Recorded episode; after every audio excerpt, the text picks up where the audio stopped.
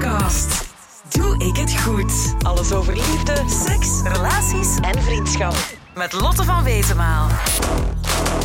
De laatste tijd stik ik op een heel korte golflengte bij mijn ouders. Dat is constant dat we op elkaars kap zitten. Dus als ik iets zeg, wordt dat verkeerd geïnterpreteerd. En andersom, en CLA, hebben wij een soort van ja, ruzie of misbegrip of zo. En uh, ik weet niet goed wat aan ligt, want iedereen ziet elkaar wel graag. Maar het is, het is wel vervelend, dus ik weet niet goed hoe ik dat moet oplossen. Dikwijls zou ik het er bijna verlaten om naar huis te komen, om dat conflict te vermijden gewoon.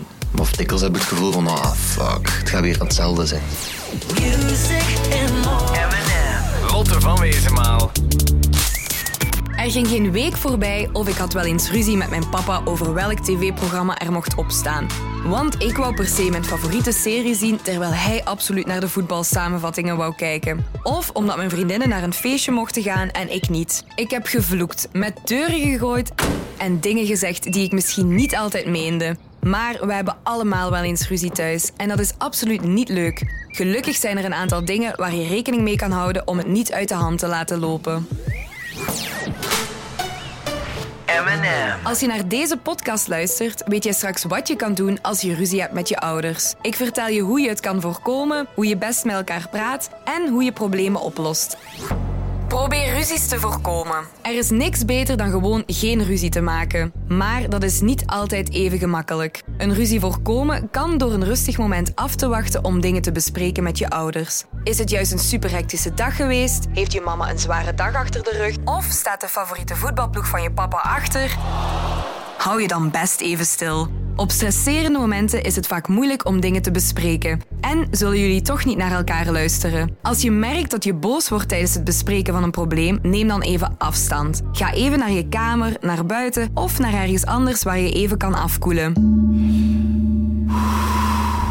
Ben je terug ontspannen? Prima. Dan kan je het gesprek hervatten.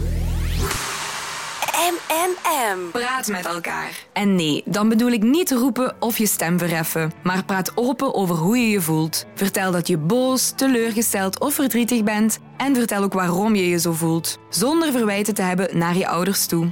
Hoe schuldig je ze ook vindt, probeer vanuit je ik te spreken. Je kan bijvoorbeeld zeggen: Ik heb het idee dat je altijd zo heftig reageert als ik mijn kleren niet heb opgeruimd. Ik voel me daar vaak wel verdrietig door. Als je het moeilijk hebt om je gevoelens te verwoorden, kan je ze op voorhand ook altijd even opschrijven. Of je giet ze gewoon in een brief die je kan afgeven. Het gaat ook niet alleen over jouw gevoelens, maar je ouders voelen zich misschien ook niet zo goed bij wat er gebeurt. Luister dus ook goed naar wat zij te zeggen hebben en laat elkaar uitspreken. Zelfs als je het niet helemaal met hen eens bent. Geef elkaar de kans om jullie verhaal te doen, laat het even binnenkomen en reageer dan pas. Los de problemen op. Het is niet alleen belangrijk dat je praat over hoe je je voelt, maar ook dat de ruzie opgelost wordt. Laat het niet gewoon verwateren, want anders komt er binnen de kortste keren toch weer hetzelfde probleem naar boven. Bespreek hoe jullie het probleem in de toekomst willen aanpakken. Soms kan het helpen om hierbij duidelijke afspraken te maken en het zelfs op papier te zetten.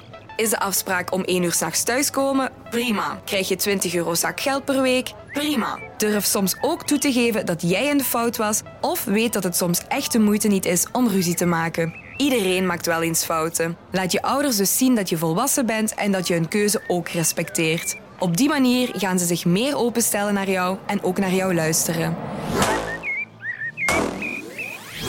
Dus als jij geen explosieve ruzies meer wilt maken met je ouders, let dan op de volgende dingen.